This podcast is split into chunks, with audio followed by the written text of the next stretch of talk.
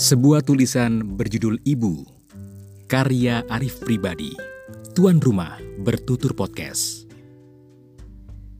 Kita jangan marah ketika masih dianggap anak kecil, pun saat kita sudah dewasa dan berkeluarga. Karena dia itu ibu yang ikhlas menjaga kita sampai kapan pun.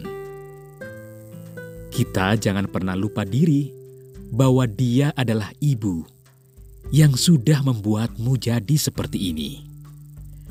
Jangan lupa daratan, karena apa pun kehormatan yang kita miliki sekarang tidak akan pernah ada tanpa peran ibu. Berhentilah bernada tinggi saat berbicara dengannya. Sejauh apa pun kita berjarak, sesibuk apa pun pekerjaan memeras waktu kita, luangkanlah mampir untuk bertemu dengan ibu. Siapa tahu, makanan lezat buatannya menantimu. Karena melihat kita lahap di meja makan, itu definisi bahagia untuknya. Melihat kita masih ingat rumah, menenangkan perasaannya. Selamat Hari Ibu. Terima kasih Ibu. Selalu ada buat aku. Kapan pun dan dalam situasi apa pun.